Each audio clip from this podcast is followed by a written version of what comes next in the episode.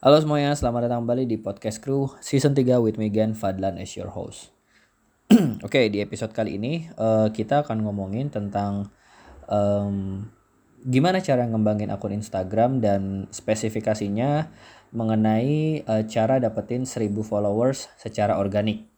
Gitu. Jadi uh, mungkin buat teman-teman yang belum tahu uh, maksudnya organik adalah Uh, jadi kita dapetin followers itu bukan dari ads, bukan dari kayak bikin activation gitu, bukan juga di uh, mention oleh um, apa ya influencer atau orang terkenal gitu. Jadi purely benar-benar mengandalkan uh, konten dan juga apa yang ada di dalam Instagram kita.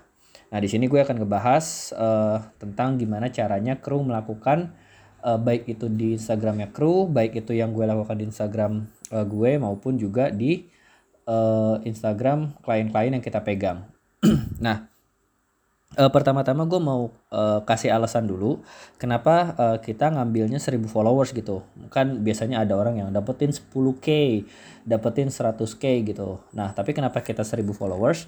Karena buat uh, kita 1000 followers itu adalah uh, langkah yang lebih realistis ya uh, untuk bisa dicoba dan diaplikasikan di berbagai industri gitu. Karena uh, banyak sekali teman-teman yang coba untuk dapetin 10k tapi uh, lupa bahwa uh, untuk bisa ke sana ya kita harus dapetin 1000 dulu gitu. Itu alasan pertama.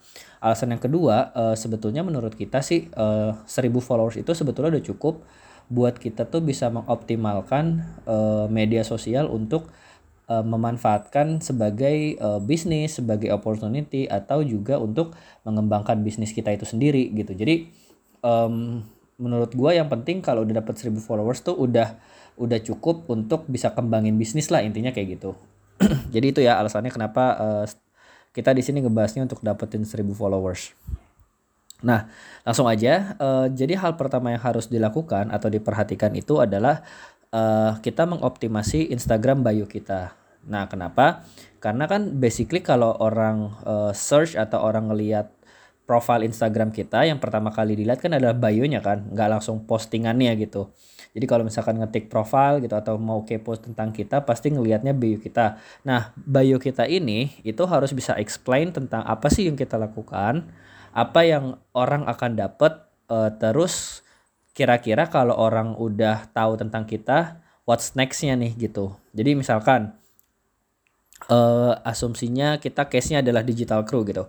Oke, okay, uh, kalau misalkan teman-teman lihat di Instagram bio-nya crew kan uh, kita explain gitu. Kita ngapain? Yaitu kita help uh, bisnis brand untuk uh, manage their social media atau bisa ngembangin bisnis mereka melalui konten dan social media. Intinya gitu kan. Nah, what people get ya bisnisnya bisa berkembang uh, dan juga media sosialnya bisa lebih besar gitu untuk untuk uh, nanti ke arah bisnis juga sih pada intinya.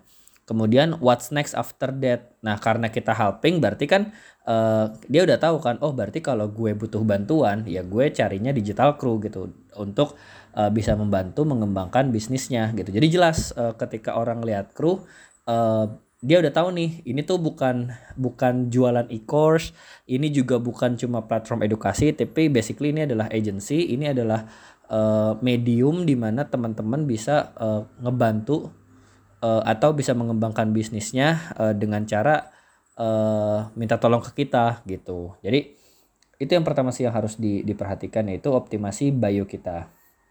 Nah yang kedua uh, itu adalah posting secara konsisten. Nah ini uh, udah rahasia umum ya bahwa uh, semakin kita konsisten di Instagram, tentunya menghasilkan konsisten tuh nggak cuma dari segi kuantitasnya tapi juga kualitasnya kita jaga secara konsisten itu akan membantu kita untuk bisa berkembang dengan lebih cepat gitu. Apalagi kan kalau organik ini uh, fokusnya adalah kepada kontennya banget gitu. Semakin kontennya bagus uh, dan juga konsisten itu akan semakin berkembang akunnya. Nah, untuk bisa posting konsisten uh, di sini gue akan lebih ke tentang gimana caranya bisa post konsisten ya gitu. Kita nggak bicara masalah gimana cara bikin konten yang bagusnya gitu. Nah, teman-teman bisa uh, pakai yang namanya Facebook Creator Studio gitu. Nah, Facebook Creator Studio ini tuh bisa ngebantu teman-teman untuk nge-schedule uh, postingan-postingan uh, selama beberapa periode ke depan gitu. Jadi misalkan uh, teman-teman kan pasti ngerjain bisnis juga uh, ngurusin hal lain kan gak cuma media sosialnya tapi operasionalnya. Nah gimana caranya teman-teman bisa posting setiap hari tapi setiap hari itu nggak nggak harus standby di Instagram buat posting. Nah teman-teman pakai Facebook Creator Studio tinggal siapin konten selama misalkan satu minggu atau bahkan sebulan gitu. And then di schedule aja. Nanti teman-teman cuma tinggal maintenance setiap harinya untuk uh, kayak balesin komen atau misalkan kayak uh, bikin story. Bahkan story pun sekarang udah bisa loh di Facebook Creator Studio.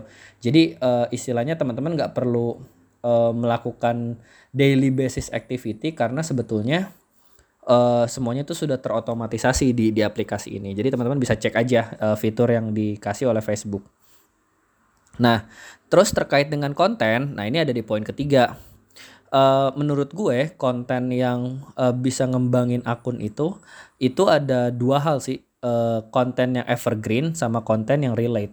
Nah, konten yang evergreen itu basically konten yang mau hari ini, mau tahun depan dibaca, itu orang akan masih tetap ngerasa itu relev uh, bukan relevan, ya, lebih ke bermanfaat lah gitu. Biasanya sih kalau konten-konten evergreen tuh yang sifatnya inspiratif, edukatif, inspiring, yang memang uh, apa ya berguna secara secara kognitif lah bisa dibilang seperti itu. Nah sementara satu lagi itu konten yang relate atau konten yang gue banget gitu. Kenapa? Karena um, biasanya orang kan follow atau uh, suka dengan satu akun karena ada uh, emotional touch ya dengan akun tersebut gitu atau dengan postingan-postingannya. Sehingga uh, ketika kita bikin konten yang relate sama orang-orang itu akan lebih mudah untuk orang-orang tuh bisa tap in sama kita dan nggak segan untuk klik uh, tombol follow gitu. Karena dia ngerasa konten-konten yang kita berikan tuh menyu merepresentasikan atau menyuarakan apa yang mereka rasakan juga gitu. Jadi fokus uh, at least fokus ke dua hal itu sih. Selain tentunya kalau uh, buat teman-teman yang uh, menggunakan media sosial untuk jualan ya tentunya dibarengi dengan konten-konten uh, jualan juga gitu. Nah, terus poin keempat itu adalah bagaimana kita bisa berinteraksi dengan akun-akun lain gitu. Jadi teman-teman uh, kan tahu bahwa uh, media sosial itu terdiri dari dua kata. Nah, kalau misalkan uh, tiga poin atas tadi itu terkait dengan medianya, Nah, kalau poin keempat ini terkait dengan bagaimana kita bersosialisasi gitu.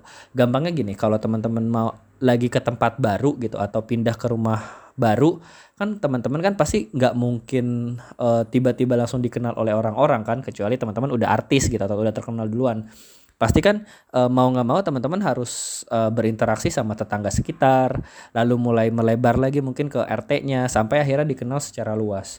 Ya sebetulnya di media sosial sama gitu. Coba cari akun-akun yang e, punya relasi atau punya pembahasan sejenis terus berinteraksi lah dengan mereka. Nggak usah takut nggak usah takut e, apa namanya dikira SKSD atau caper gitu. Selama kita caranya benar dan baik serta kita punya niat yang tulus gitu untuk emang mau berinteraksi ya gue rasa sih itu hal yang sangat uh, bisa diterima oleh siapa pun ya gitu. Uh, yang penting kita ngelakuinnya in a good way aja. Kenapa? Karena dengan berinteraksi kan nanti kita bisa saling cross uh, followers tuh apalagi kalau misalkan ada akun-akun yang udah lebih besar gitu dari kita mau berinteraksi sama kita secara otomatis kan kita bisa uh, lebih dikenal oleh followers-followers atau audiensnya mereka gitu. Nah, Kemudian setelah lakuin atau setelah memperhatikan poin 4 tadi, uh, poin yang terakhir itu adalah teman-teman uh, terkait dengan bikin konten.